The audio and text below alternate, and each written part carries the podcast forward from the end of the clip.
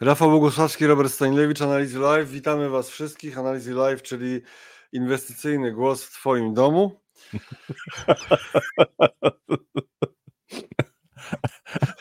się popłakałem. To mnie ugotowałeś. Inwestycyjny dom w twoim Inwestycyjny głos w twoim domu. Dobra. Dobrze, dobrze. Tak, zgotować Rafała od razu na starcie naprawdę jest, to jest wyczyn. To jest e, challenge, tak, dokładnie. Dokładnie. Witajcie wszyscy, czekamy na Wasze komentarze, pytania. Tytuł mamy, słuchajcie, no mnie przy tym nie było tym razem. E, tytuł jest bez zaskoczeń, czyli po co oglądać tego live'a, tak? No nie, absolutnie nie, tak do tego nie podchodźcie. Jest bardzo dużo ciekawych rzeczy się dzieje oczywiście i mówimy o tym dlatego, że nas to interesuje.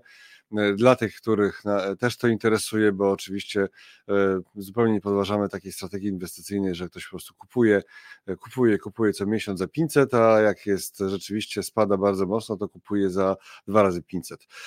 No to startujemy będzie o tym, że inflacja w Stanach nie zaskoczyła, ale to z tego też wynika i o wielu innych tematach, zatem ruszamy.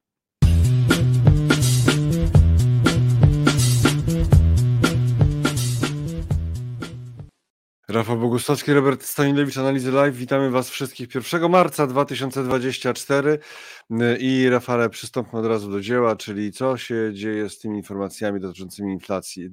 Ciągle widzę, że jesteś jeszcze trochę zgotowany. tak, inwestycyjny głos.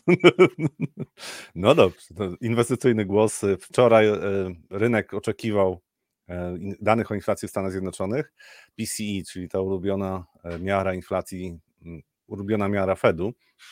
Patrzą na to bardzo uważnie i okazało się, że e, inflacja była dokładnie e, z oczekiwaniami, czyli 2,8 bazowa i 2,4 e, ogólna. No i pytanie, takie popatrzyłem na te dane mówię, no i co oni teraz z tym zrobią? No jakby się chociaż jedną dziesiątą odchyliło w którąś stronę, no to wiadomo, że łatwiej zareagować, no ale inwestorzy wpadli na pomysł, że to dobrze, bo inflacja spadła, no więc e, już kontrakty terminowe zaczęły rosnąć, potem początek sesji w Stanach Zjednoczonych na rynku akcyjnym też do góry, no ale potem trochę się przestraszyli, może za szybko rośnie, więc później spadki, no i na koniec znowu wzrosty, więc sesja dość zmienna. Nasdaq zakończył dzień ze wzrostem 0,9%, SP 500 0,5%, więc to nie jakieś bardzo dramatyczne ruchy, ale ta sesja całkiem, całkiem zmienna wczoraj. Co ciekawe, bardzo mała reakcja i na obligacjach, i na e, i na walutach, czyli tutaj, tutaj patrząc na, na zachowanie tych rynków, to reakcji specjalnie po samych danych nie było.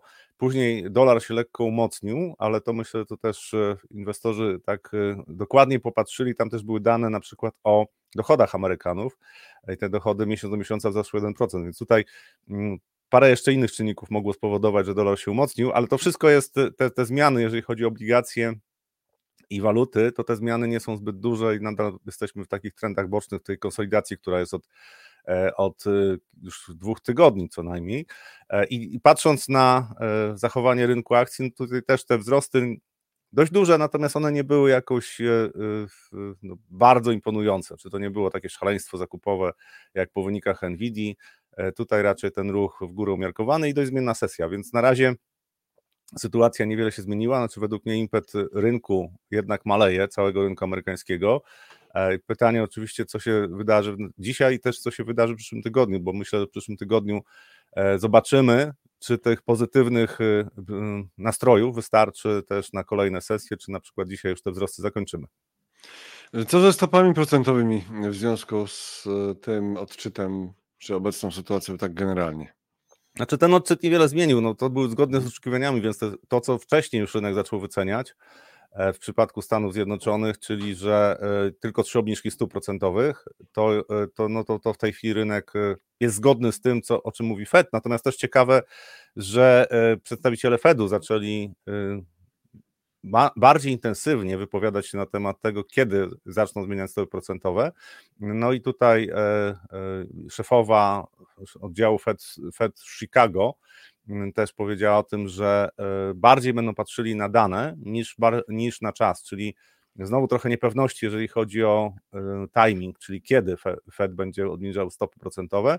No oczywiście jest kwestia posiedzeń, które są wcześniej już e, zabukowane i wiadomo, że najbardziej prawdopodobne w tej chwili jest pierwsza obniżka w czerwcu, no bo tak wypada ze względu na kalendarz posiedzeń, który został wcześniej podany jeszcze przed rozpoczęciem tego roku.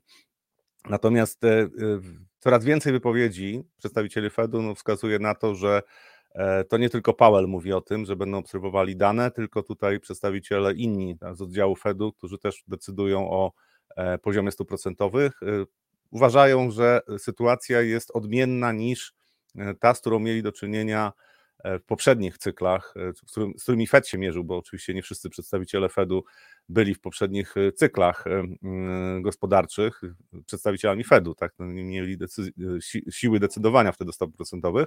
Natomiast ta sytuacja, która jest w tej chwili w Stanach Zjednoczonych, ta odporność gospodarki na e, podnoszenie stóp procentowych, no to jest coś, na co Fed musi zwracać uwagę i będzie zwracał uwagę i te deklaracje właśnie idą wprost w tym kierunku, że jeżeli będziemy mieli E, kolejne informacje o tym, że inflacja jest pod kontrolą, czyli nie ma odbicia inflacji, no to wtedy będą obniżki stóp procentowych. Natomiast ja mam jedną uwagę do tych danych, które się pojawiły wczoraj, bo tam oczywiście są też składowe te inflacje, znaczy bardzo różne, w bardzo różny sposób ta inflacja jest liczona i dla różnych y, grup y, i produktowych i usługowych i usług i inflacja usług to jest coś, co, e, na co bym zwrócił uwagę, że inflacja usług rok do roku wzrosła i to jest, to jest z poziomu 4% do 4,1%, czyli inflacja cen usług. To jest sygnał ostrzegawczy, który może wskazywać, że z inflacją przy silnym rynku pracy i mm, tym wzroście dochodów Amerykanów, to też jest pochodna tego, że Amerykanie mają w tej chwili bonusa w postaci podwyżek stóp, podwyżek wynagrodzeń przy równocześnie niższym poziomie inflacji. To jest coś, co w przy dość szybkim spadku inflacji, w momencie, kiedy już zostały uruchomione te procesy dostosowania płac, no to jest taki bonus i wtedy siła nabywcza konsumentów rośnie. To jest w ogóle jeden z elementów układanki, który może spowodować, że spowolnienie w gospodarce amerykańskiej e, albo będzie w tej chwili łagodne, albo będzie znowu przesunięte w czasie, to znaczy może to być na przykład e, przyszły rok, chociaż patrząc na, e, na wskaźniki aktywności gospodarczej, patrząc na te tendencje, które widać też na rynku pracy, to pierwsze sygnały już pojawiły się kilka miesięcy temu, w tej chwili tych sygnałów jest trochę więcej, że z tą gospodarką jednak nie jest aż tak rewelacyjnie, jakby wyda wydawało się na pierwszy rzut oka i to Fed też może brać pod uwagę. Natomiast w tej chwili wygląda na to, że Fed nie będzie pierwszym bankiem centralnym, który e, obniży stopy procentowe, być może nawet wyprzedzi e, go Europejski Bank Centralny, no ale pewnie jeszcze będzie tak, że e, najszybciej obniży stopy Szwajcarski Bank Centralny. Hmm. Proszę bardzo, drukarnie cały czas stabilnie pisze socjalistyczny nawóz. No właśnie, hmm. W tym znaczy, drukarnie teraz... w tej chwili no właśnie. W tej chwili, jeżeli popatrzymy na, na to, co się dzieje w Stanach Zjednoczonych, e, to e, z jednej strony oczywiście Fed zmniejsza sumę bilansową, on ją zmniejszył już o 2 biliony dolarów, e, biliony, tak, i prawie o 2 biliony dolarów, natomiast też to, co się dzieje na rynku międzybankowym, to jest nie tylko to, co robi Fed z portfelem obligacji, ale również to, co robił na przykład poprzez swoje agenty, czy w ogóle instytucje powołane do tego, żeby chronić y, sektor bankowy, czyli wsparcie, w tej chwili ponad 160 miliardów, 170 miliardów dolarów. Sektor y, banków regionalnych dostał takie wsparcie od marca. Natomiast jest jeszcze jedna rzecz, czyli ilość pieniądza, która jest w systemie Mm, międzybankowym. I tutaj operacje reverse repo, z których Fed się wycofuje, czy znaczy wycofuje się oczywiście dlatego, że banki mają mniejszą potrzebę, żeby deponować pieniądze na rachunku Fedu. Natomiast tutaj jest spadek no, prawie o 2 biliony dolarów od szczytu, jeżeli chodzi o te operacje każdego dnia, które są prowadzone.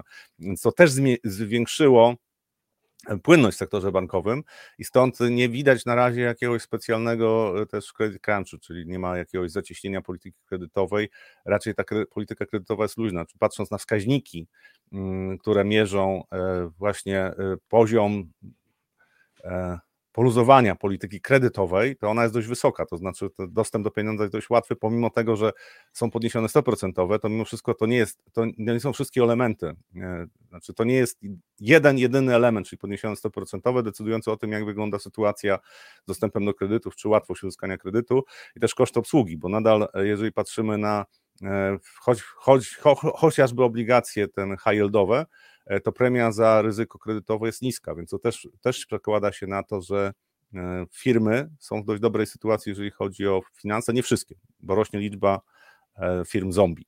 Ale to są, myślę, że to są zmartwienia, które będą, będą zaprzątały uwagę ekonomistów w drugiej połowie tego roku już i ten proces będzie postępował, znaczy coraz więcej firm będzie pokazywało, że ma problemy, co nie oznacza końca świata, no, że oznacza, że parę firm zbankrutuje albo trochę więcej niż parę. Mm, wspomniałeś o tym, kto może obniżyć e, stopy najpierw, tak? To, to może teraz właśnie wróćmy do tego.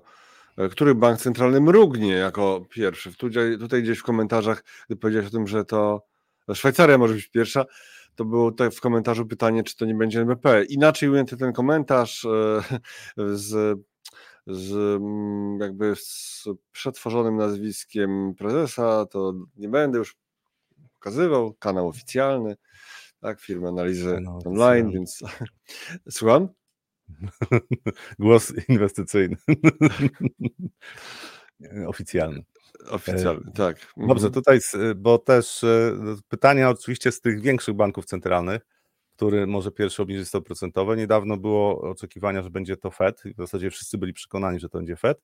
No ale w tej chwili już wszyscy, prawie wszyscy są przekonani, że to nie będzie Fed i pytanie tylko, czy to będzie Europejski Bank Centralny, ale większość stawia na Szwajcarię. To wynika też z tego, że Szwajcaria nie miała mm, takiego wzrostu inflacji, jaka pojawiła się w całej Europie praktycznie. Y, to jest pochodna tego, że y, Szwajcaria jest, y, ma zielone źródła energii. Znaczy tutaj, jeżeli chodzi o elektrownie wodne, to oni są w czołówce Europy i generalnie cały wzrost cen, który, który był pochodną wzrostu cen energii, nie chociażby, to Szwajcarii ominął. Czy oni mieli wzrost cen, ale dużo niższy niż w innych krajach europejskich. No i w tej chwili są w sytuacji, w której szwajcarski bank centralny może zacząć obniżać stopy procentowe i prawdopodobnie to zrobi. Pytanie, czy zrobi to już e, na najbliższym posiedzeniu, czy na kolejnym, e, ale chyba powinni być pierwsi. To znaczy, Europejski Bank Centralny po wypowiedziach e, przedstawicieli tego banku wydaje się, że jeszcze na najbliższym posiedzeniu może nie obniżyć stóp procentowych i tak pewnie będzie szybszy niż, niż amerykański bank centralny. Natomiast patrząc na na to, jak wygląda obecnie sytuacja w Szwajcarii, to postawiłbym na Szwajcarię. E, pytanie, czy to osłabi e, e, franka szwajcarskiego, bo to jest jedna z rzeczy, która no, powinna wpłynąć mimo wszystko, jeżeli Szwajcaria zacznie zmniejszać oprocentowanie, no to po prostu waluta powinna zachować się trochę słabiej, jeżeli nic się nie wydarzy oczywiście na świecie, bo frank szwajcarski cały czas jest też walutą taką traktowaną jako safe haven, bezpieczna przystań, tylko to jest mało płynny rynek, więc to nie jest duża konkurencja do dolara. Ale to jest e, pierwszy kraj teraz prawdopodobnie, który, e, który obniży 100%. To też dla tych, którzy posiadają kredyty frankowe, to powinna być e, niezła informacja. Ale jeszcze jest ciekawsza sytuacja, bo jest jeden kraj, który będzie podnosił stopy procentowe prawdopodobnie i opuści obszar ujemnych stóp procentowych, to jest oczywiście Japonia. E, bo szykują się do tego, szykują, szykują, szykują już od wielu miesięcy. Komentarze są ekonomistów, że powinni to zrobić już dawno temu i nie, teraz są komentarze, że być może już przespali w ogóle ten moment, kiedy mogli podnieść stopy procentowe. No ale wydaje się, że e, w perspektywie najbliższych dwóch, może trzech miesięcy jednak te zmiany stóp procentowych w Japonii nastąpią, czyli zostaną podniesione stopy procentowe. A tutaj mamy Nikkei, 40 e, tysięcy punktów, prawie. Na, na, niektórych serwisach widziałem, że pokazują, że 40 tysięcy punktów, na niektórych, że brakuje tam kilku punktów, ale 40 tysięcy punktów. To nawet w 1989 roku nie sięgnęli tego poziomu intradayowo, to znaczy rynek nie doszedł do takiego poziomu. Jesteśmy y, na rekordach wszechczasów w Japonii. No i pytanie, czy ta hossa może trwać? No może, natomiast już y, po tej fali wzrostów, która nastąpiła, w, zwłaszcza w tym roku, to przyspieszenie wzrostów, no to też warto spojrzeć na wskaźniki, na przykład cena do zysku dla spółek japońskich, to znaczy ostatnie wzrosty już wskazują na to, że mm, y, wzrost rynku odbywa się też kosztem wyższych wycen, to znaczy już nie jest tak, że e, tak jak było przez większość poprzedniej dekady, bo tak było, że rynek japoński szedł w górę, a równocześnie wyceny spółek nie rosły, bo mniej więcej wzrost indeksów był taki, jak wzrost zysków e, spółek, no to w tej chwili już sytuacja wygląda trochę inaczej, czyli te ostatnie wzrosty, luty, e, to ewidentnie już jest trochę na, e, efekt mnożnikowy zaczyna działać, to znaczy wyższe wyceny. To jest ostrzegawczy sygnał, znaczy to nie znaczy, że, że ten rynek nie może dalej rosnąć, ale sygnał ostrzegawczy, bo po prostu zawsze jak rynek rośnie szybciej niż rosną zyski, to mm, wcześniej czy później pojawia się chęć zrealizowania zysków, no i im wyższe wyceny, tym większe prawdopodobieństwo tego, że taka korekta może być bolesna. Ja tylko przypomnę, że niedawno pokazywaliśmy Nikkei, ale Total Return i tam szczyt już został pobity ten wielo, wielo, wielo, wieloletni, jakoś w ostatnich tam trzech latach chyba, tak? Teraz nie pamiętam dokładnie, ale to, to już się stało na Nikkeju Total Return, więc to też trzeba znaczy trzeba. Nie wiem, czy trzeba. Akurat w takim krótkim horyzoncie roku to to niewiele zmienia pewnie, więc widać, że tutaj jest rzeczywiście mm, mocny wzrost. No, a tak dla e, ścisłości, bo to rzadko się o tym mówi, często się o tym zapomina. Znaczy to jest zawsze dyskusja, tak, czy takie indeksy powinny uwzględniać, e, pokazywać e, rzeczywistą stopę zwrotu dla inwestora, czy z dywidendami, czy bez. E, dla mnie e, lepszym indeksem z punktu widzenia wartości rynku jest ten bez dywidend, no bo jednak e, te pieniądze, które mm, opuszczają spółki, no to też zmniejszają wartość tego rynku, więc tutaj te, ten Nikkei bez nie total return, tak, mhm. gdzie są odejmowane dywidendy, pokazuje jakby mhm. wartość, bardziej wartość rynku. Natomiast z punktu widzenia faktycznie stopy zwrotu inwestora, to powinno się patrzeć na total return. No to ciekawa, ciekawy komentarz do tego właśnie, total return czy nie, ale to weszła, Japo weszła Japonia, bo wspomniałeś o japońskim banku centralnym, który być może będzie podnosił stopy procentowe, tak, bo, bo, bo czas już by było e, na to, albo nawet już czas był e, dawno. Wcześniej było o bankach centralnych i o tym, kto będzie co ze stopami robił, generalnie, gdzie, gdzie te obniżki mogą się e, zacząć. Było też pytanie o, o Czechy, o czeski bank centralny, jak rozumiem, wchodzimy aż tak głęboko. Czy zastanawiałeś się nad czeską polityką monetarną e, ostatnio? Znaczy my mamy pod, mieliśmy podobną sytuację, jeżeli chodzi o inflację, bo tutaj całe, wszystkie kraje regionu miały podobną sytuację, jeżeli chodzi o inflację. Czechy też podnosiły dynamicznie stopy procentowe, teraz już obniżają. I pytanie, czy y, czeskie de decyzje czeskiego banku centralnego mogą być jakimś wskazaniem dla Polski? Wydaje mi się, że nie. Znaczy, polityka NBP-u będzie bazowała raczej na e, przekonaniach prezesa Glapińskiego i innych członków Rady Polityki Pieniężnej i nie będą za bardzo zwracali uwagę na to, co robią Czesi. No, tutaj dla mnie to, co się dzieje w Polsce e, z punktu widzenia e, poziomu cen, to tak naprawdę, czy w Polsce są możliwe obniżki, czy nawet będą musiały być podwyżki, to zobaczymy pewnie w okolicach czerwca. To znaczy teraz dane za mm, marzec, czyli mamy miesiąc, dane za marzec pokażą, jak wygląda sytuacja z dezinflacją. Według mnie już będzie wyglądała mniej optymistycznie niż większość zakłada, a w kwietniu, w maju zobaczymy, że jeszcze mniej optymistycznie niż e, analitycy zakładają. To znaczy odbicie inflacji w Polsce może być bardzo szybkie e, i dynamiczne. I to jest coś, co co, to będzie decydujące y, o tym, co będzie robił, y, robiła Rada Polityki Pieniężnej, a nie co robi Bank Czeski, bo to jest kwestia polityki wewnętrznej, znaczy polityki gospodarczej, fiskalnej, która jest prowadzona w Polsce, a to jest y, cały czas bardzo luźna polityka fiskalna, to znaczy zarówno podwyżki wynagrodzeń, tak, podniesienie płacy minimalnej, 800 plus zamiast 500 plus. My efekty tego zobaczymy mm, w kolejnych kwartałach tego roku, prawdopodobnie już w pierwszym kwartale. E, I jeżeli na świecie nie będzie e, jakichś szokujących wydarzeń, no to my wewnętrznie będziemy mieli sytuację, w której będzie inflacja będzie się podnosiła. Pytanie jak mocno, tak? Czy to będzie powyżej poziomu 6%? Ja zakładam, że tak, być może nawet powyżej 8%. Natomiast oczywiście może się wydarzyć na świecie dużo ciekawych rzeczy. No, ceny ropy jakby spadły na świecie o 30%, no to mamy wtedy inflację w Polsce na poziomie 4% pewnie w drugiej połowie roku. Natomiast na razie ja bym się przygotował na to, że w Polsce ze względu na silny rynek pracy, na to, że e, gospodarka ma się całkiem dobrze, płace rosną, że e, konsumpcja będzie się odbudowywała i za tym pójdzie też wzrost inflacji, czyli wewnętrzne czynniki zdecydują o tym, że e, w Polsce e, inflacja będzie rosła prawdopodobnie gdzieś do października, listopada e, tego roku. No i pytanie, co dalej, tak? Bo to co będzie w przyszłym roku, no to w ogóle już bardzo zależy od tego, co będzie na świecie, ale generalnie my mamy od kwietnia mamy wzrost inflacji w Polsce. Znaczy, to jest twoja prognoza, tak? Że od kwietnia będziemy mieli, że będziemy mieli wzrost inflacji w Polsce. Było takie pytanie gdzieś po drodze, dlaczego nie ma flesza, czyli dlaczego nie było wczoraj flesza, czyli szybkiego odczytu inflacji, bo tam coś jakieś z koszykiem zmiany, tak? I jakaś taka pauza. No początek roku to zawsze jest tam techniczne kwestie, wymiana koszyka i e, i e, e, GUS nie chce, nie chce dawać flesza, który będzie szybko zmieniany, tak? Znaczy po prostu to na początku roku tam się sporo dzieje, jeżeli chodzi o te wszystkie y, kwestie narzędziowe, tak? No i dlatego początek roku dość często jest właśnie bez fleszy, chociaż z tego co pamiętam, to już zaluty, chociaż nie, bywało tak, że zaluty też nie było flesza.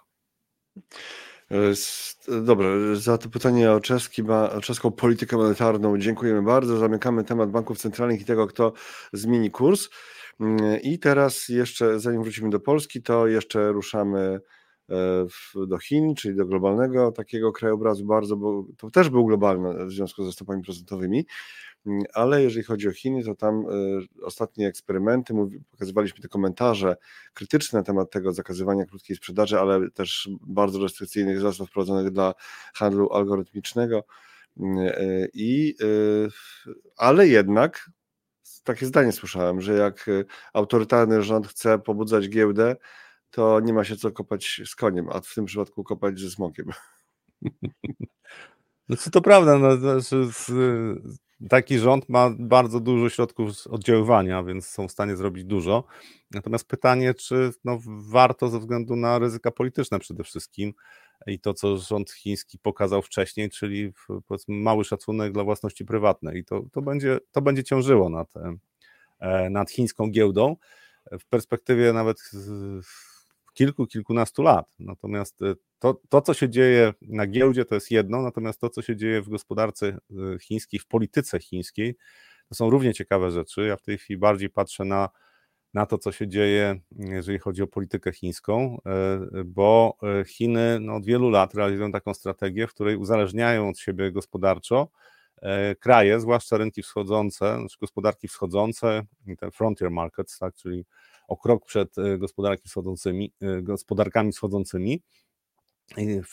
Wczoraj pojawił się komentarz na Bloombergu na temat Sierra Leone, e, bo Chiny zaproponowały, że będą reprezentantem tego kraju na forum ONZ, bo Chiny mają tam tak są na stałe, natomiast Sierra Leone nie ma, nie ma takiego statusu, więc to jest kolejny ruch, który pokazuje, że Chiny bardzo chcą, żeby mniejsze kraje stały się, znalazły się w orbicie e, zależności nie tylko gospodarczej, ale politycznej również od Chin.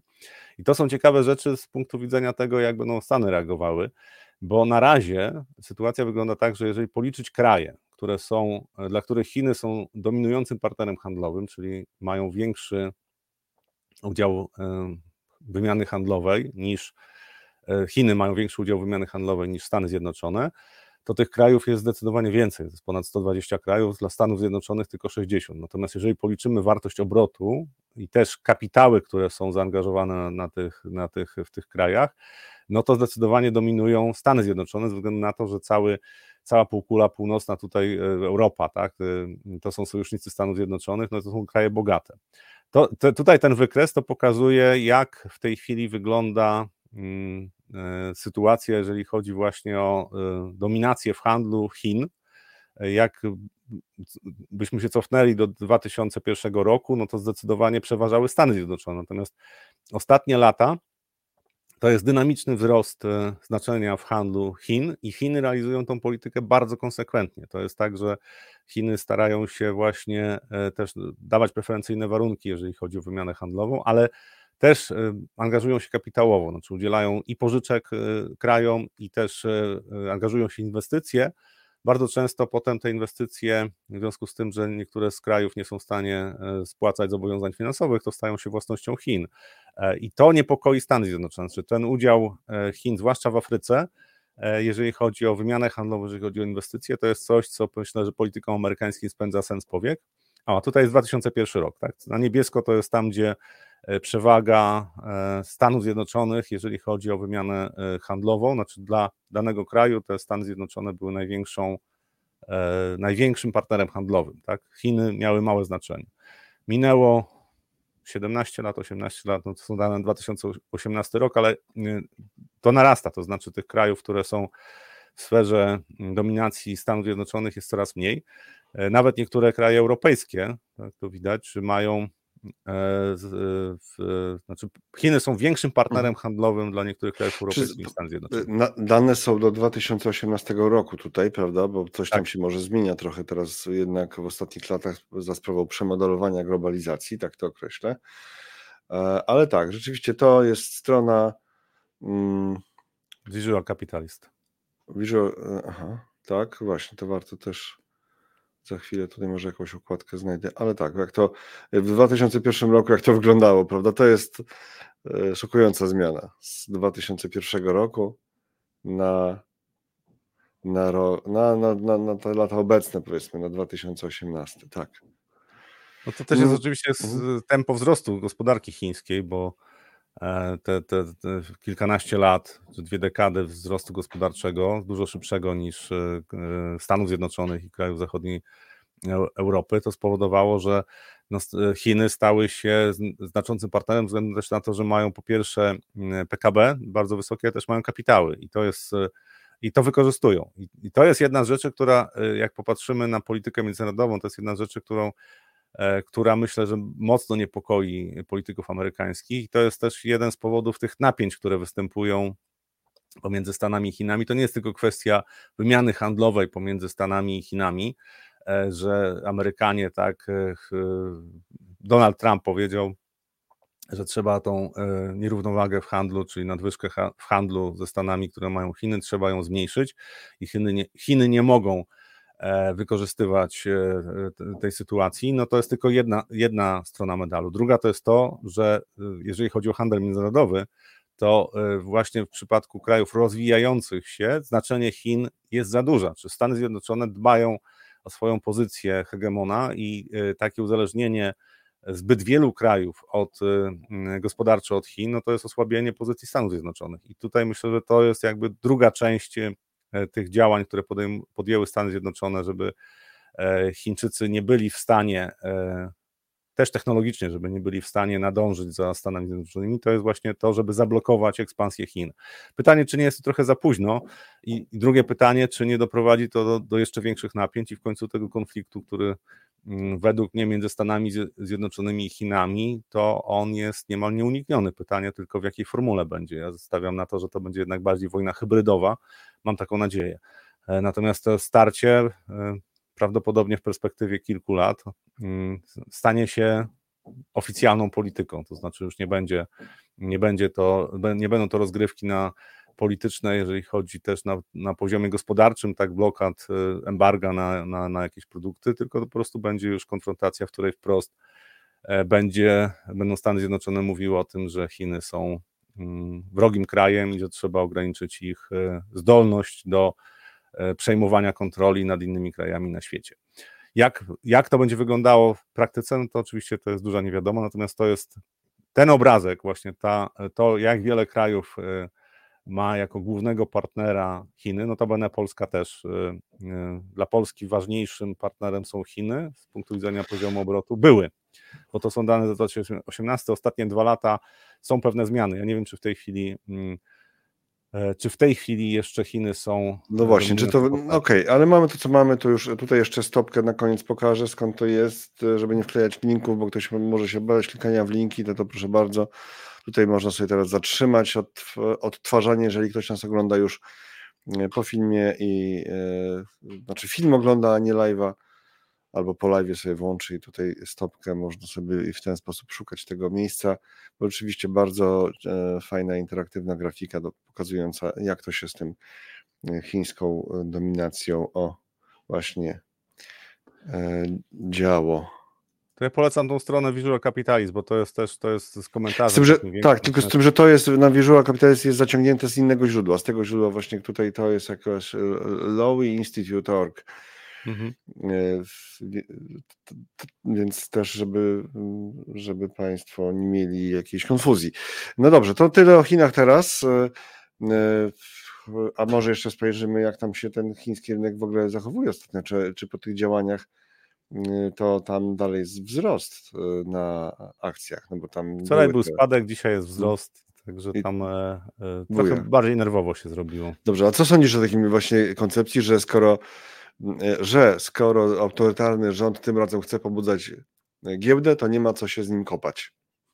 Znaczy w ogóle, to pobudzi w końcu. To pobudzi. Jak już jest panika w rządzie, że próbuje, to, to w końcu pobudzi. Znaczy, dowodem na to jest, są Stany Zjednoczone, gdzie Fed chciał na przykład w 2012 roku mieć hossę, no i zrobił tą hossę, e, więc jeżeli, jeżeli jest duża determinacja strony rządu i banku centralnego, a tu w przypadku Chin to jest jedno, znaczy tam bank centralny chiński wykonuje polecenia rządu, e, no to jeżeli będą bardzo chcieli, to po prostu tą hossę zrobią między innymi e, w ten sposób, że fundusze rządowe, które inwestują na rynku akcji, po prostu dostaną pieniądze, żeby kupić akcje. No to to proste. Natomiast ja, ja, ja, bym się nie kopał z koniem, to znaczy w chwili grać na spadki na rynku chińskim, no to jest szaleństwo. Natomiast pytanie, czy e, są w stanie e, rozpędzić hossę bez e, odbudowy zaufania politycznego do, do, do rynku chińskiego. I tu mam wątpliwości. A jeśli, no wiesz, a jeśli y, wyceny są tak atrakcyjne, że, że takich nie było, nigdy do, do, tej pory. Nie pamiętam w tym momencie, jakie one są, ale są niskie na, na chińskim rynku. Poziomie 10 PDM mniej więcej. No, no to właśnie. W historii. Natomiast pytanie jest oczywiście takie, czy y, dla inwestorów y, zachodnich y, to, to jest wystarczająco atrakcyjny poziom. Tak? No, w przypadku rosyjskich spółek PDE był na poziomie 4 i nie była to udana inwestycja z perspektywy tego, co zrobili Rosjanie. I to są, to są takie ryzyka, które teraz inwestorzy będą brali pod uwagę i według mnie no to jest Mm, to nie jest równoznaczne e, z niskie wyceny, nawet do historycznych poziomów, nie jest równoznaczne z tym, że za chwilę e, będzie hossa. Działania banku centralnego i rządu chińskiego będą miały znaczenie, natomiast ja bym zwrócił uwagę też na Japonię, bo e, japoński bank centralny no, kupił jedną trzecią giełdy i, i kupował to przez 6 lat chyba, jak dobrze pamiętam. Teraz się okazuje, że zrobił fantastyczny biznes, znaczy po prostu te zyski będą liczone tam w dziesiątkach miliardów dolarów. E, natomiast pytanie, co on zrobi z tymi akcjami? Czy zacznie je wyprzedawać, czy nie? Natomiast zwracam tylko uwagę na to, że przez 3 e, czy nawet 4 lata, to z pamięci w tej chwili mówię, przez 3 czy 4 lata kupował te akcje e, Bank Japonii E, i nie miało to dużego przełożenia na to, co działo się z rynkiem chińskim. To znaczy, tam nie, to nie wywołało hossy. Inna sprawa, że oni nie byli zdeterminowani, żeby rozpędzić ten rynek. Oni po prostu chcieli ograniczyć e, poziom wyprzedaży, to znaczy chcieli zdejmować tą nadwyżkę która się pojawiała na rynku, no i stabilizowali bardziej rynek akcji niż rozpędzali ten rynek. Jeżeli rząd chiński będzie chciał rozpędzić rynek, to go rozpędzić. Natomiast bez e, zmiany postrzegania Chin e, z punktu widzenia ryzyka politycznego, czyli e, wewnętrznych regulacji, które, które bardzo mocno nadwyrężyły takie postrzeganie Chin jako rynku, który przestrzega zasady praworządności, też prawa własności, tak, to, to, to, to jest jedno. Drugie, właśnie ten wykres, jak Chiny, rozpychają, e, jak Chiny rozpychają się w gospodarce światowej, no to jest ryzyko takie geopolityczne, które też może się e, pojawić. I, to jest coś, co według mnie, nawet jeżeli rząd chiński będzie bardzo chciał wywołać hossę na rynku akcji w Chinach, to może ją wywołać na pewien czas, natomiast kapitał Znaczna część inwestorów tam nie wróci w perspektywie najbliższych lat, uznając, że po prostu te ryzyka są zbyt duże, jeżeli chodzi o ryzyka polityczne. Wojciech Lewandowski pisze, Chiny narozrabiały na rynku finansowym, więc teraz muszą dorzucić kasy, aby to naprawić. Da się coś zarobić, prestiż Chin wymaga podniesienia indeksów. Z drugiej strony e, na przykład e, tutaj inicjały SS, y, Chiny wprowadzą was w maliny, ryzyko więcej, ryzyka, ryzyko więcej niż potencjalnego upside. No, mhm. potencjalny upside jest duży, natomiast ryzyko y, też jest duże. Znaczy, Komunistyczna Partia Chin ma gdzieś inwestorów, poza tym y, tam jest wciąż ogromna mina w postaci rozbywających się problemów nieruchomościowych. No to w Stanach Zjednoczonych też są nieruchomości komercyjne, które też są. Skala jest trochę inna, to fakt, natomiast e, takie ryzyka istnieją. Natomiast bardziej e, problem polega na tym, że e, jeżeli chodzi o upside, czyli potencjał wzrostu tego rynku chińskiego, to z tych poziomów, na których jesteśmy, wzrost o 50% nie, nie szokuje. Tylko problem jest inny, że nie da się według mnie ocenić ryzyka, to znaczy nie da się zmierzyć poziomu ryzyka, to znaczy ile ja ryzykuję, żeby zarobić, nawet jeżeli ten w optymistycznym scenariuszu zarobię 50%, to ile ja ryzykuję? Czy też 50% mogę stracić? Mogę. E, jakie parametry o tym zadecydują? Wcale nie gospodarka. To znaczy, gospodarka e, będzie dodatkiem do, do, do ruchów na, na giełdzie. Tutaj dużo większe są właśnie ryzyka. E, kilka razy już o tym mówiłem, że mm, są takie momenty na rynkach, że inwestorów przestaje interesować zwrot z kapitału, a bardziej zwrot kapitału, czyli chcą odzyskać pieniądze. I działania rządu chińskiego od 2020 roku pokazały, że e, niedużo potrzeba, żeby był problem z tym, żeby Chiny po prostu zamroziły e, możliwości wycofania kapitału, znaczy ograniczą czasowo. To, to co się działo w 2021 roku, te regulacje, które były wprowadzane, bardzo mocno zachwiały takie, takim przekonaniem, że Chiny mm, przestrzegają reguł gry. I druga rzecz, która tutaj to jest też powiązana, z postrzeganiem takich rynków jak rynek e, chiński, w ogóle jak gospodarka chińska, to jest to, co w tej chwili wygląda na to, zostanie przeprowadzone wobec Rosji, czyli te 260 miliardów, jeżeli dobrze pamiętam, aktywów rosyjskich, które zostaną prawdopodobnie przejęte, które są w, e, na rynkach finansowych, tak, czy w bankach e, w, w Europie i w Stanach Zjednoczonych, tak, czy powiedzmy wśród krajów tak zwanych demokratycznych że te pieniądze zostaną przejęte na odbudowę Ukrainy, z wykorzystaniem na odbudowę Ukrainy. I teraz abstrahując od tego, tak, y, kwestii etyczne i tak dalej, tylko pokazuje, że jeżeli takie ruchy są wykonane, to Chińczycy niekoniecznie chcą y, w tej chwili y, do, do, nie, nie będą chcieli tak w taki sposób, jaki do tej pory się angażowali, nie będą chcieli według mnie angażować się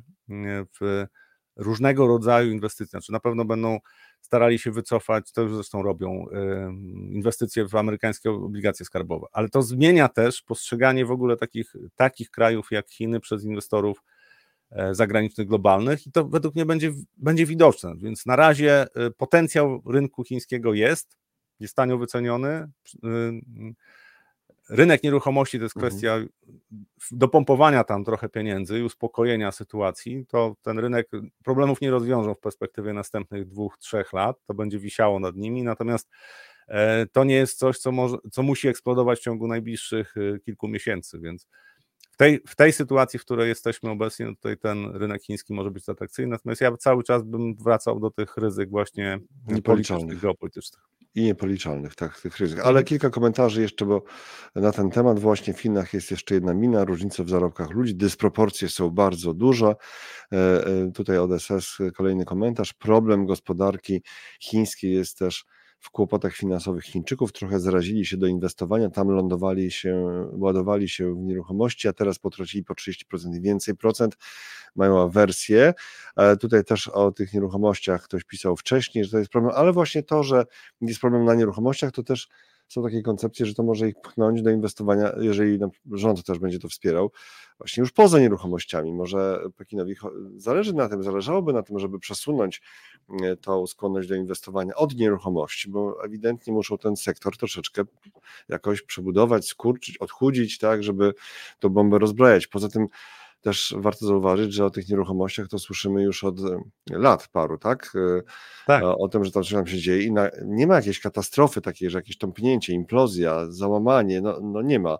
Absolutnie nie chwalę chińskiego rządu, żeby ktoś tak nie pomyślał. Tyle e, w różnych wielu live'ach na przestrzeni naszego funkcjonowania w kanale się pojawiło krytycznych opinii o chińskiej polityce, że myślę, że to jest jednoznaczne, tak? Tylko to po prostu tak też staram się trochę tutaj analizować, chociaż to Rafał jest głównie odpowiedzialny za analizy e, w tym e, kanale. Poza tym zamrożone oszczędności w części utracono w nieruchomościach. No właśnie, a propos tych, a propos tych nieruchomości. Ale mamy też taki komentarz bardzo malowniczy. Od kogo? No wiadomo, od Zacharego.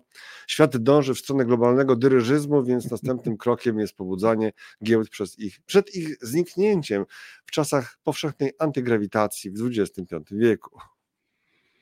No i teraz nie wiem, co zrobić, bo y, nawet biorąc pod uwagę moją zawziętość, to XXV wieku mogę nie obejrzeć.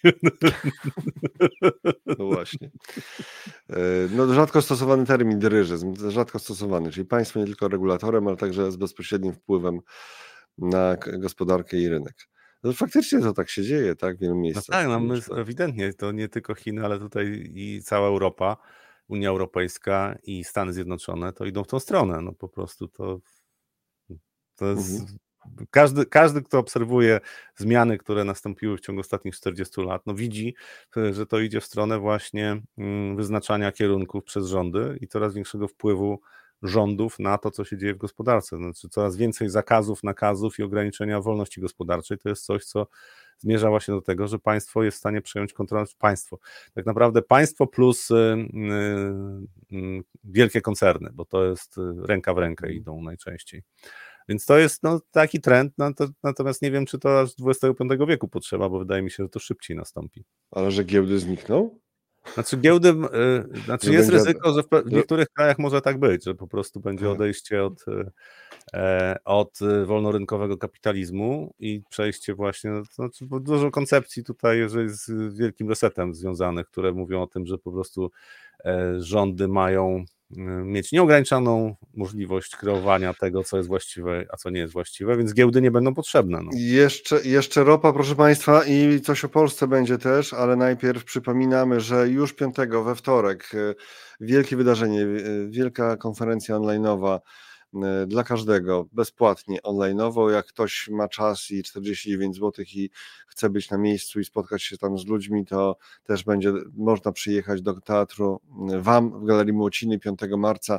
Dla tych, którzy przyjadą, którzy będą na miejscu, e, tylko dla tych, bo tu nie, bo tu nie będzie transmisji, będzie prezentacja Rafała tu, obec, tu, tu obecnego o cyklach gospodarczych i inwestycjach, czy inwestycjach w kontekście cykli gospodarczych, czyli mówię teraz o forum inwestycji osobistych.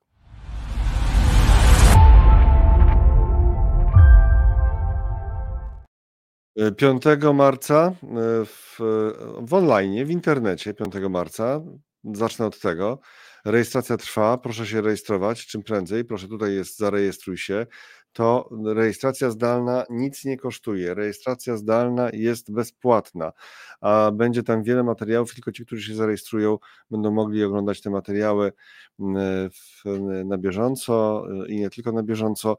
Poza tym, dodatkowo, poza tymi materiałami, które są, poza tymi tematami, które są w agendzie, za chwilę te, przez tę agendę przyjadę, będzie też kilka materiałów dodatkowych, na przykład o opodatkowaniu w nowych zasadach kompensacji, czyli to, co, co już obowiązuje, a będziemy rozliczać to w 2025 roku za 2024, za obecny rok, będzie też o surowcach, będzie też e, o początkach inwestowania i najważniejszych takich pomysłach i na co zwrócić uwagę i mm, będzie też o mm, e, inwestowaniu indeksowym. Celowo podkreślam nie, nie o ETF-ach, bo będzie tam o ETF-ach, ale generalnie o inwestowaniu indeksowym, ale także o tych formach mniej popularnych, mniej znanych ETN, ETC.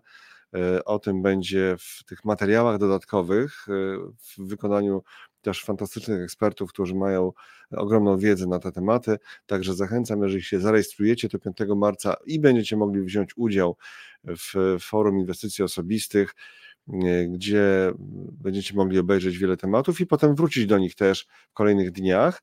Na przykład obligacje skarbowe w portfelu, jak dobrze wybrać, żeby zarobić. Dyskusja kilku ekspertów e, pod moim e, przewodnictwem, co dla mnie jest zaszczytem i przyjemnością.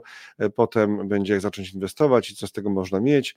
Tutaj między Tomasz Korab, Tomasz Matra z TFIPZ-u i Michał Masłowski. Wczoraj znowu zapraszał w live, już dzisiaj nie będziemy go wpuszczać, a poprowadzi profesor Katarzyna Sekścińska z Uniwersytetu Warszawskiego, e, czyli fajny, naprawdę fajny zestaw ludzi, którzy fajnie mówią i mają fajne przemyślenia i, i tym razem w takiej roli dotyczącej jak, tego, jak zacząć zacząć Bo zwykle na przykład z Tomaszem Korobem spotykamy się w tematach czysto rynkowych, bieżących, a tutaj zupełnie jakby inne wydanie. E, RAID, tania alternatywa dla polskich nieruchomości, no taki trochę może clickbaitowy tytuł, ale e, Jakub Pacholec z Montefi, który tutaj któregoś dnia też zapraszał, e, o tym, co dzieje się w te funduszy inwestujących na rynkach nieruchomości na świecie. Sam składa, w którym składa te rejty z różnych rynków y, i będzie właśnie o tym też oczywiście, to będzie prezentacja, więc może z pytaniami bez, bezpośrednimi przy prezentacji będzie trochę trudniej, ale na pewno to jest ciekawy rynek, bo tam się dużo wydarzyło, bardzo mocne przeceny, trochę tam teraz odbija pytanie też, co się dzieje w poszczególnych kategoriach tych nieruchomości komercyjnych. Kobiety i finanse, Jagoda Fryc rozmawia z Patrycją Bereźnicką, e, będzie czy korporaty dadzą dwucyfrowe stopy zwrotu, czyli chodzi o fundusze dłużne inwestujące w obligacje, obligacje korporacyjne i będzie najpopularniejsze ETF-y, co sprzedaje się w biurach maklerskich. Jagoda Fryc tym razem rozmawia z Robertem Sochackim z Beta Securities Poland o funduszach tak zwanych gotówkowych. U nas w Polsce nie ma takiej nazwy, nie można stosować takiej nazwy, ale na, na świecie to rzeczywiście jest stosowane, czyli takie najbezpieczniejsze, gdzie ostatnio te, ta masa pieniędzy biła rekordy w Stanach na przykład tutaj Dominik Beckowold, Fidelity International, Michał Schreiber z PKO TFI poprowadzi tę rozmowę Michał Duniec z Analyz Online, szef Analyz Online. Będą najważniejsze dane na OPPK, co tam się dzieje. Robert Zapotoczny, PFR, portal PPK wręczenie nagród Alfa 2023 dla najlepszych zarządzających według metodologii analiz e, online, czyli nie chodzi tylko o stopę zwrotu w ciągu roku, ale o efektywność, bardziej złożone, bardziej wszechstronne mm, metody badania tego, kto sobie poradził na najlepiej w ostatnim czasie. No i akcje na koniec, gdzie i jak inwestować, żeby zarobić.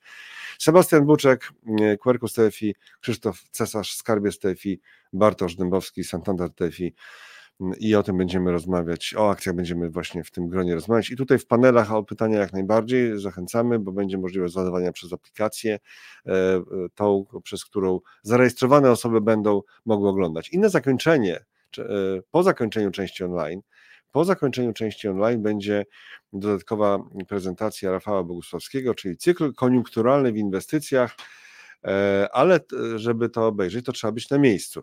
E, a żeby być na miejscu, to trzeba sobie kupić wejściówkę, wejściówkę na kiket.com i wystarczy wejść na Kiketa i wpisać forum i od razu się na, na górze, nie ma żadnego innego forum teraz, gdzie jakie by się pojawiało, e, forum inwestycji osobistych i to jest wejściówka na całość, na całość. A bonusem jest to, że można być na ekskluzywnej prezentacji Rafała mm, i też spotkać się z nami osobiście. No i tyle na ten temat. Zachęcamy do tego, żeby się, e, żeby się logować, rejestrować. Tutaj wrzucam teraz link do obecności osobistej na forum inwestycji osobistych, tak, czyli wejściówka z Kiketa, a e, pod spodem link, który już był chwilę czy kilka chwili wcześniej link do rejestracji bezpłatnej. Nawet jeżeli ktoś przybędzie osobiście, to też trzeba zrobić sobie tą, znaczy warto zrobić sobie, to, sobie tą rezerwację online'ową, bo tam będą te dodatkowe materiały, o których mówiłem i też będzie możliwość, żeby sobie przeglądać te materiały w kolejnych dniach. O, tutaj Rafał we Wrocławiu.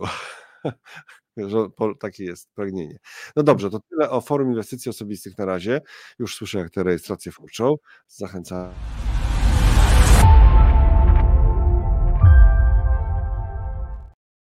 Tam był Rafał cały na biało. Nie powiem, że teraz ropa wjeżdża cała na biało, ale wjeżdża, wjeżdża w każdym razie ropa. Znaczy ropa tutaj cały czas jest e, mm, e, pytanie o to, co zrobi, co zrobi OPEC, czy utrzymają te obniżone limity wydobycia, natomiast ja cały czas obserwuję zachowanie kursu ropy. Ropa teksańska ugrzęzła pomiędzy 78-79 dolarów, i niewiele się dzieje od dwóch tygodni. I tutaj w mojej ocenie e, czekają inwestorzy na jakiś, na jakiś większy ruch. Tutaj wykres jest za ostatnie trzy lata. Natomiast jak popatrzymy, e, co się dzieje w ostatnich e, czterech tygodniach w zasadzie, no to tutaj się niewiele dzieje. I to jest w mojej ocenie przygotowanie do jakiegoś większego ruchu. Pytanie, co przeważy, bo cały czas jest, jest dużo informacji, które płyną które wzajemnie się wykluczają, znaczy inaczej działają przeciwstawnie. Z jednej strony, że są duże zapasy ropy chociażby w Stanach Zjednoczonych, po drugie brakuje tankowców do przewożenia ropy, bo y, tankowce muszą pływać Afrykę, natomiast mnie bardzo interesuje właśnie to, jak w perspektywie najbliższych tygodni rynek się spozycjonuje, wiedząc to, co już wie. E, oczywiście OPEC może zaskoczyć i podnieść limity wydobycia, wtedy przecena ropy jest raczej pewna, znaczy w krótkim terminie. Tak? No myślę, że to jeżeli zamiast 2 milionów e, e, obniżenia wydobycia, obniżonych limitów wydobycia by zrobili milion, no to pewnie spadek cen ropy to będzie tam 7% tak, w ciągu następnych dwóch dni. Natomiast zakładając, że tutaj się nic innego nie wydarzy poza tym, co już rynek wie, to będą decydowały takie siły bardziej fundamentalne. I być może to jest też sygnał, to co się dzieje z ropą naftową, to jest sygnał, że jeżeli popatrzymy na gospodarkę chińską, to jednak ta stymulacja, która następuje, jeżeli mówimy o, o, o Chinach od lipca ubiegłego roku, bo rząd chiński stymuluje gospodarkę, że być może to jest sygnał, że y, jednak to działa. To znaczy, za chwilę pojawią się dane e, z chińskiej gospodarki, które pokażą, że jednak e, aktywność gospodarcza wzrosła. Być może właśnie ropa naftowa e, jest sygnałem tego, że Chiny będą miały się lepiej. Według mnie miedź przestała pełnić taką rolę takiego, kiedyś mówiło się doktor miedź, tak, że to pokazuje koniunkturę, e, zwłaszcza w Chinach, e, natomiast w związku z tym, co się dzieje na rynku nieruchomości, a e, miedź była pochłaniana w dużych ilościach przez rynek nieruchomości, to w tej chwili ta miedź choruje ze względu na to, że ten rynek nieruchomości no, raczej nie zostanie rozpędzony ponownie w takim stopniu, jakim był wcześniej. Natomiast ropa naftowa ma dla Chin duże znaczenie i myślę, że to jest jeden z tych argumentów e, za tym, że w Chinach zaczyna być trochę lepiej, jeżeli chodzi o aktywność gospodarczą.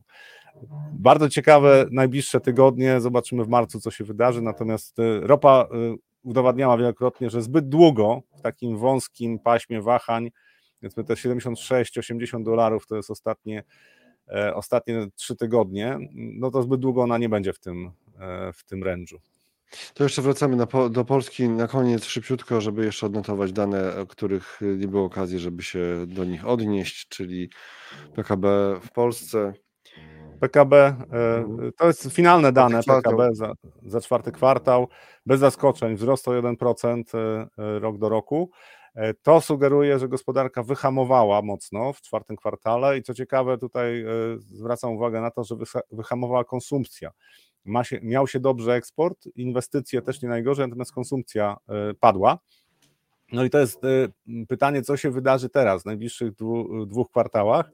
E, będę obserwował uważnie dane o sprzedaży detalicznej w Polsce, za luty zwłaszcza i za marzec, bo to będzie odpowiedź na pytanie, czy konsument powrócił. Bo jeżeli nie powrócił, to można zapomnieć o prognozach wzrostu gospodarczego w Polsce na poziomie 4%. Ze względu na efekt przeniesienia, czyli to, że w, na początku ubiegłego roku ten wzrost gospodarczy był na niższych poziomach, bo tam później gospodarka trochę przyspieszyła, to jakby nawet nie było wzrostu kwartał do kwartału specjalnego, to i tak ta gospodarka by rosła w tempie około 1,5 e, do 2%. Natomiast jak będzie chociaż trochę lepiej, no to pewnie wzrost powyżej 3% jest możliwy. Natomiast bez konsumenta, e, czyli bez większych wydatków, wzrost powyżej 4% jest mało prawdopodobny. Ja mówię o tym roku. I to może być, e, e, to może być decydujące, jeżeli chodzi w ogóle o koniunkturę gospodarczą w Polsce, to może być decydujące właśnie zachowanie konsumentów w najbliższych kwartałach o tym, co się będzie działo w polskiej gospodarce, bo mniej więcej co się może dziać z eksportem, z inwestycjami, to wiemy, natomiast y, y, po tych zaskakujących danych właśnie o wyhamowaniu konsumpcji w czwartym kwartale, to jest największy, y, największy obszar niepewności. I dziękujemy bardzo, tak kończymy. Dziękujemy za wszystkie komentarze, za te też, które nie, nie znalazły się tutaj u nas na ekranie ale czy, czytamy, przeglądamy, cieszymy się z nich wszystkich. Czekamy na komentarze pod filmem teraz. Zachęcamy do zrobienia sobie subskrypcji kanału Analizy Live, w którym mówimy o inwestowaniu, gospodarce, rynkach finansowych i o świecie. E, te, te osoby zachęcamy, które jeszcze subskrypcji nie, mam, nie mają, zachęcamy do zrobienia sobie powiadomień, włączenia powiadomień. E, o, niezły PMI. Magda e, pisze. Nasz kto nam tutaj pomaga. O, niezły PMI. Tak, naprawdę? Niezły PMI? Zaraz, zaraz. Ale no jaki niezły, jak mamy. No dobrze, dobrze, to ja jeszcze, skoro Magda wrzuciła, to ja jeszcze e, w takim razie. No ale jaki niezły, jak on jest ciągle poniżej 50. No to jaki niezły? To tak jeszcze do tego. No, 47,9, prognoza 47,1, ale to ciągle no jest. Nie, fatalnie. fatalnie. Słucham? No, jak wiadomo, życie zaczyna... Miesiąc był gorszy od poprzedniego po prostu, tylko może mniej gorszy. Życie zaczyna się po 50, po dwóch albo tak. trzech jest jeszcze przyjemniej. No, no, no, dzisiaj nie można o tej porze tak e, mówić takich rzeczy, ogóle nie wiem, czy w ogóle można mówić. Dziękujemy pięknie. E, dziękujemy Dziękuję. pięknie, żegnamy się taką planszą. O właśnie taką planszą się żegnamy. I do zobaczenia miłego weekendu, bo weekend prze, przecież to jest weekend już prawie. Dla niektórych to na pewno jest już weekend, dla nas jeszcze nie. A więc do zobaczenia. Widzimy, widzimy się w poniedziałek o 8.45.